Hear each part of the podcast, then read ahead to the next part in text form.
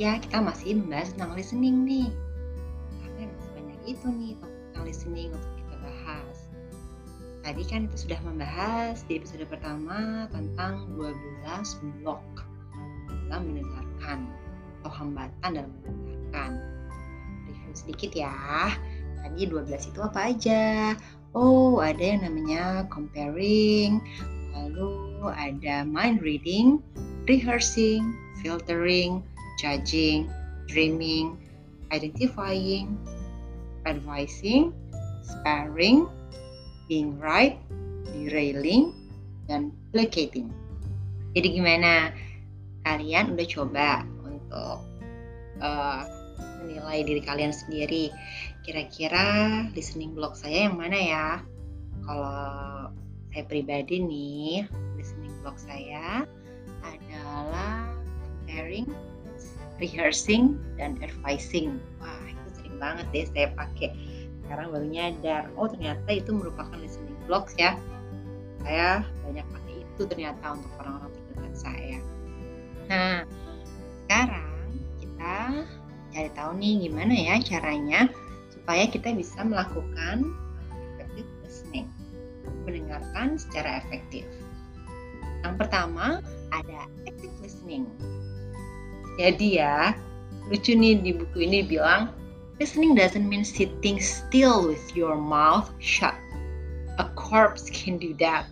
Jadi nggak bukan berarti kita tuh dia membisu dengan mulut yang tertutup rapat gitu enggak seperti katanya kalau kayak gitu doang sih e, mayat juga bisa diem doang jadi Sebetulnya mendengar itu adalah sebuah proses yang aktif yang membutuhkan partisipasi kita. Karena untuk benar-benar memahami makna dari komunikasi, kita harus bertanya dan memberikan umpan balik. Di situlah terlihat ada proses saling memberi dan menerima. Jadi um, kita dapat pemahaman yang menyeluruh tentang uh, apa yang disampaikan oleh orang lain tersebut. Kita nggak cuma secara pasif tapi kita bisa lebih berkolaborasi dan lebih terlibat dalam proses komunikasi. Ada beberapa cara untuk melakukan active listening. Yang pertama adalah uh, paraphrasing atau membuat parafrase. Artinya kita mengucapkan kembali dalam kata bahasa kita sendiri apa yang disampaikan oleh orang lain.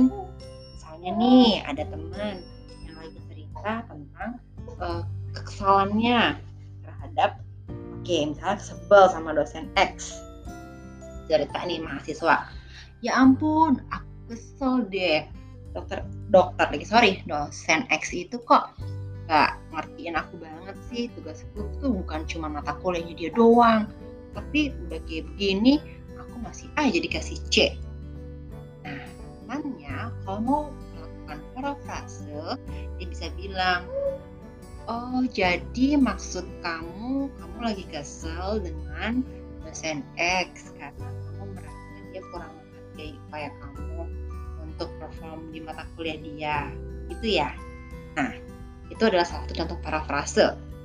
Jadi, apa sih gunanya kita harus parafrase? Pertama, kita bisa membantu diri kita sendiri untuk mengingat apa yang tadi disampaikan. Gitu. Jadi kita seperti ngetes diri kita sendiri nih. Kita dengerin omongan teman kita nggak sih? Kalau kita bisa menceritakan dengan kata-kata kita sendiri berarti kita sudah sungguh-sungguh mendengarkan.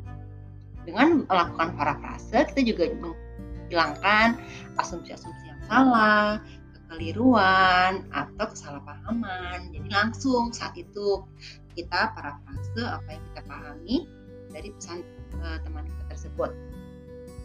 Nah terus kita bisa latihan nih teman kita kalau teman kita ngomong kita coba deh latihan. Parafrasekan apa yang disampaikan oleh teman kita tersebut. Jadi macam-macam gayanya. Misalnya tadi jadi menurut kamu kata gini uh, dengan kata lain kamu merasa kurang nyaman ya dengan penilaian dosen X terhadap kamu? Nah, kayak gitu ya itu contoh parafrase. Lalu selain parafrase cara lain untuk melakukan active listening adalah dengan clarifying atau melakukan klarifikasi. Jadi dia nyambung nih, habis parafrase kamu melakukan klarifikasi. Jadi kamu uh, benar nggak yang tadi itu maksud kamu? Nah, jadi ada kamu klarifikasi lagi sama dia. Artinya dia tuh betul nggak sih pikirannya dia arahnya ke sana, pesannya dia itu maksudnya yang tadi. Nah, itu adalah dengan uh, lakukan klarifikasi. Jadi uh, beneran dapet nih pesannya tentang apa yang disampaikan atau dipikirkan dan dirasakan oleh lawan bicara. Kalau kita melakukan clarifying ini atau klarifikasi, itu kirim pesan yang bagus banget loh buat lawan bicara. Jadi I'm willing to work at knowing and understanding you. Jadi kelihatan kita tuh ada upaya untuk mengerti, memahami lawan bicara. Lalu langkah ketiga dari active listening adalah giving feedback, memberi umpan balik. Nah, kita setelah parafrase, klarifikasi, kita akan memberi umpan balik nih.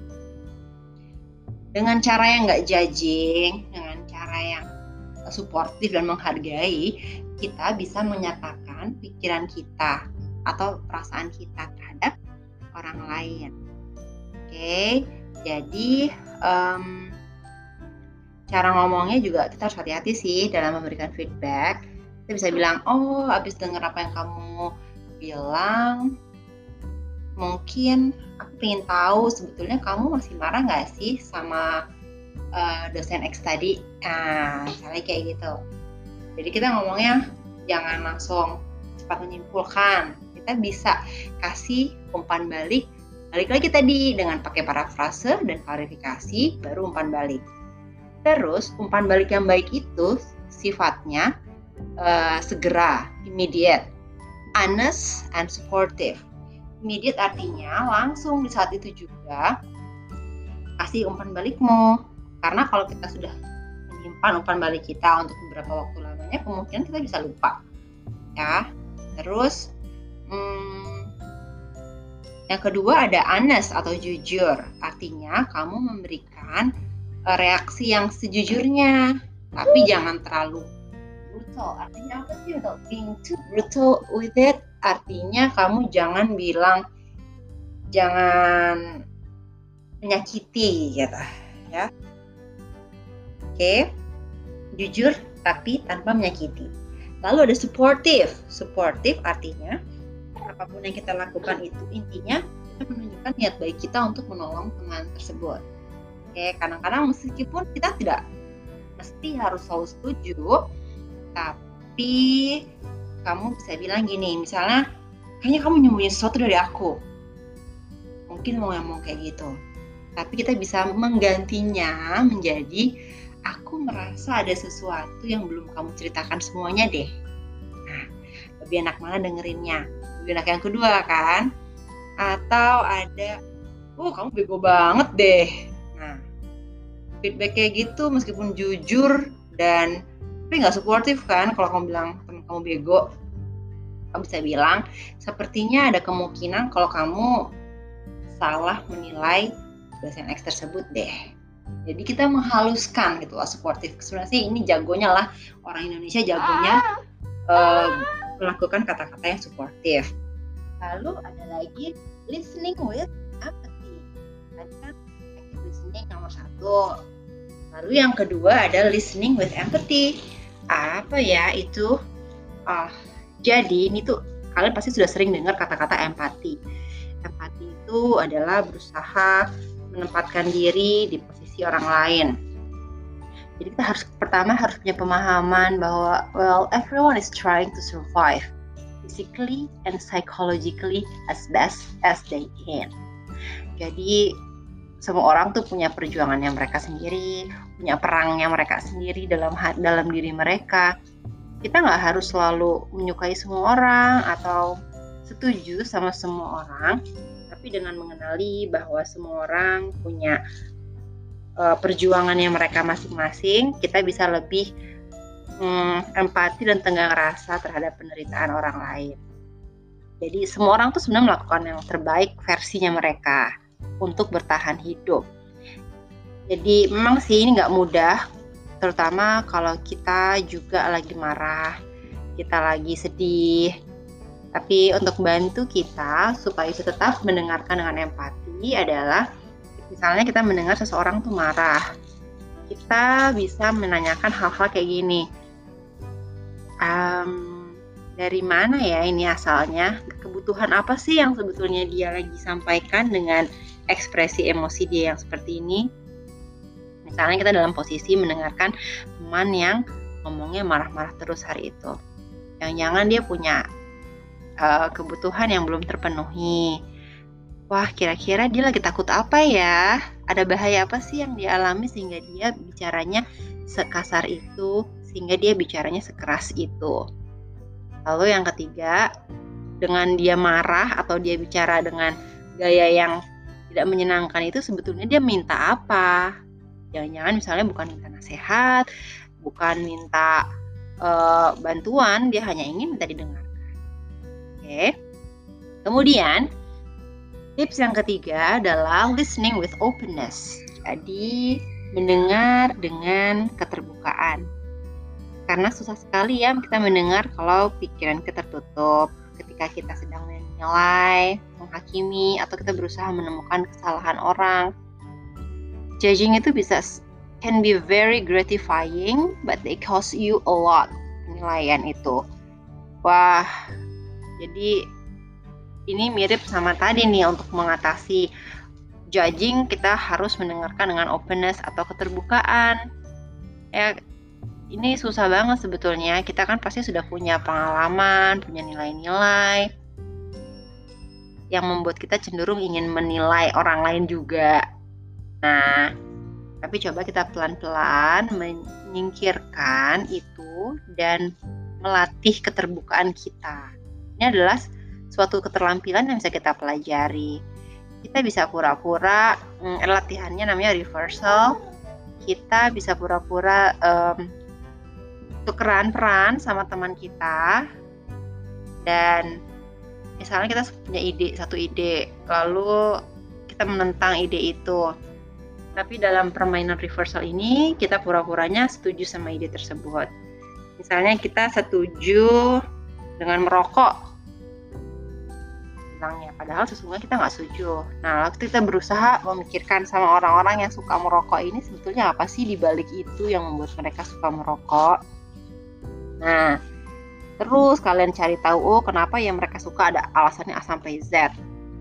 Gitu. Jadi dengan berusaha berpikir sebaliknya itu membuat kamu jadi lebih terbuka oke memang sih kita nggak mungkin terus-terusan melakukan latihan kayak gini sepanjang waktu cara lainnya adalah dengan kita berpura-pura menempatkan diri kita sebagai seorang antropologis antropolog jadi setiap orang yang ketemu bayangkan setiap orang yang kamu ajak bicara itu datang dari negara lain dengan dengan kebiasaan yang berbeda, dengan cara berpikir yang berbeda.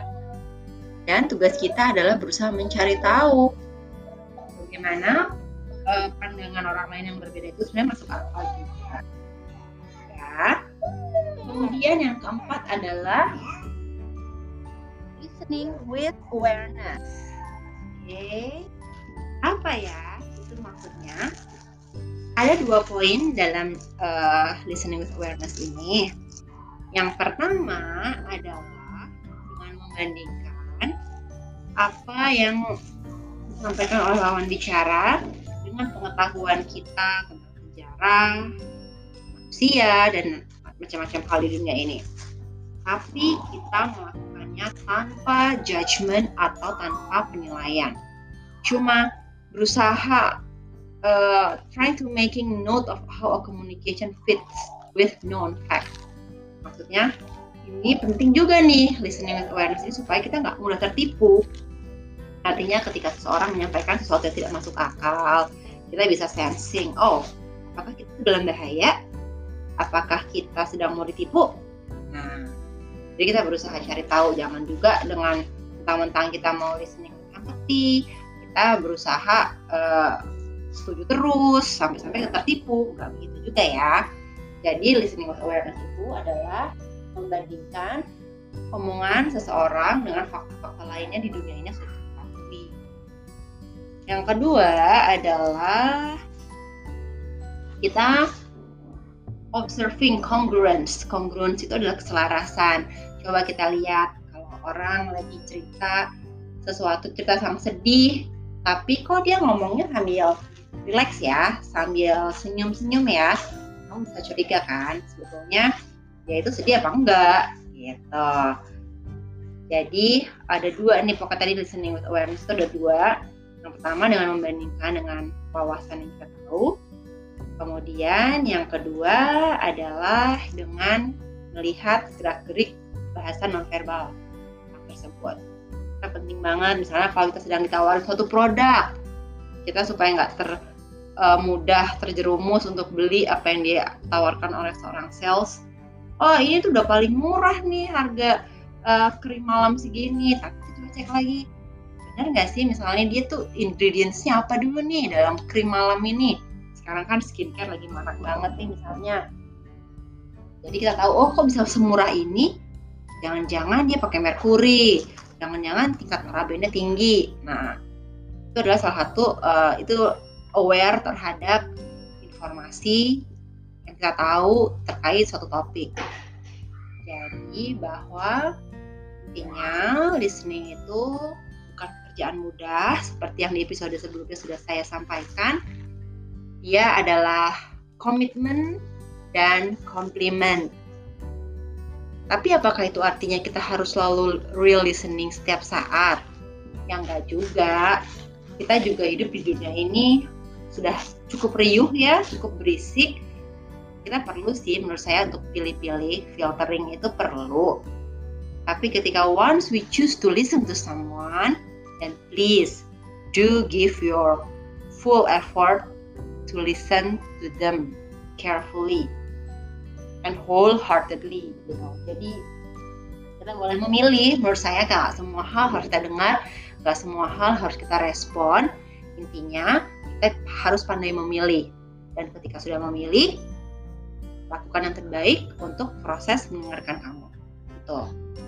lalu kaitannya apa sih listening ini dengan kemampuan komunikasi? Pertama, itu membangun hubungan yang baik, terus membuat kamu jadi orang yang lebih dipercaya dan lebih disukai. Dan yang ketiga, kamu bisa belajar lebih banyak. Belajar lebih banyak tentang apa? Macam-macam tentang orang tersebut, lalu juga tentang topik yang dia sampaikan. Jadi sebenarnya nggak ada ruginya tuh mendengarkan satu hari itu akan jadi uh, bukan senjata ya, tapi itu akan jadi kekuatan kamu, kekuatan kamu untuk kalau kamu bicara. Nah, kamu akan punya banyak cerita karena kamu terbiasa mendengarkan orang lain.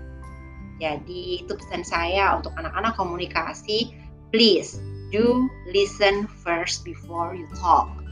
Talking is easy, but listening is hard. Jadi pertama dengar dulu, baru bicara. Oke, sekian dari saya untuk episode kedua ini. Kasih tahu ya gimana latihan kamu dengan 12 listening blocks itu, gimana caranya kamu mengatasinya, dan gimana caranya ah, hasilnya nih efeknya setelah kamu uh, usaha berlatih mengurangi listening blocks. Oke, okay. selamat belajar mendengarkan ya. Sampai ketemu lagi di episode episode berikutnya. Salam Isik Budita, bicara soal ilmu komunikasi bareng Budita.